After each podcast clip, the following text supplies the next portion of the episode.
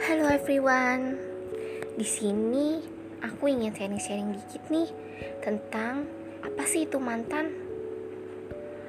Menurut kalian, definisi mantan itu apa sih? Sampah. Orang di masa lalu.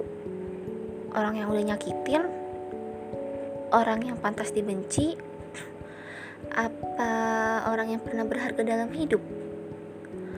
Hmm, ngomong-ngomong soal mantan, kenapa sih kalian selalu bilang ngapain masih berhubungan sama mantan? Orang di masa lalu tuh pantasnya dilupain, gak pantas diinget, apalagi kalau udah nyakitin. Eits, salah. Justru dengan adanya mantan, kita tuh harus bersyukur. Loh, bersyukur?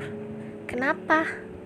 Iya, kita tuh harus bersyukur karena dengan adanya mantan di sisi kita itu menjadikan kita pelajaran untuk ke depannya.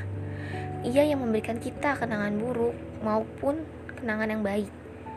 Dan ia yang memberikan kita pelajaran betapa kerasnya dunia percintaan. Dan berkat ia, kita jadi tahu bagaimana harus bersikap ke depannya.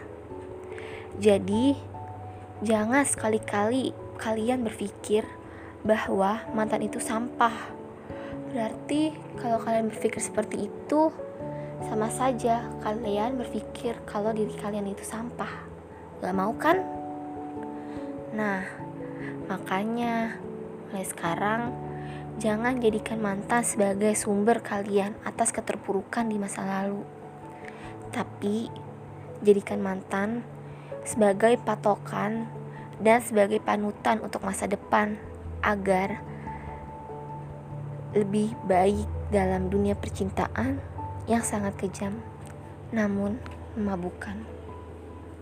thank you